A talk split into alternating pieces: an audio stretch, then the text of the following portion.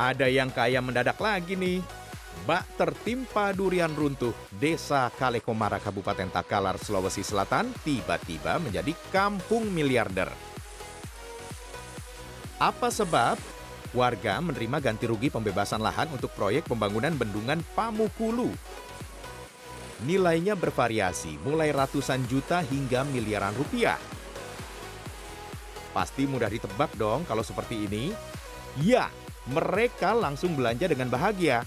Beli motor dan mobil baru serta aset lainnya. Belinya pun tak main-main, bayar cash tanpa cicilan.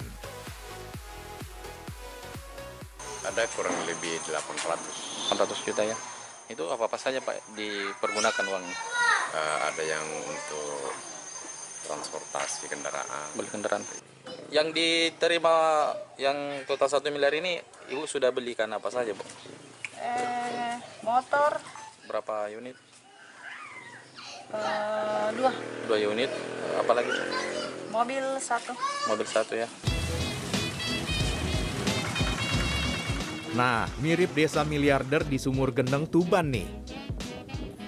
Belajar dari kasus desa miliarder di Tuban yang memborong ratusan mobil dan motor secara sporadis, beberapa di antaranya justru kecewa.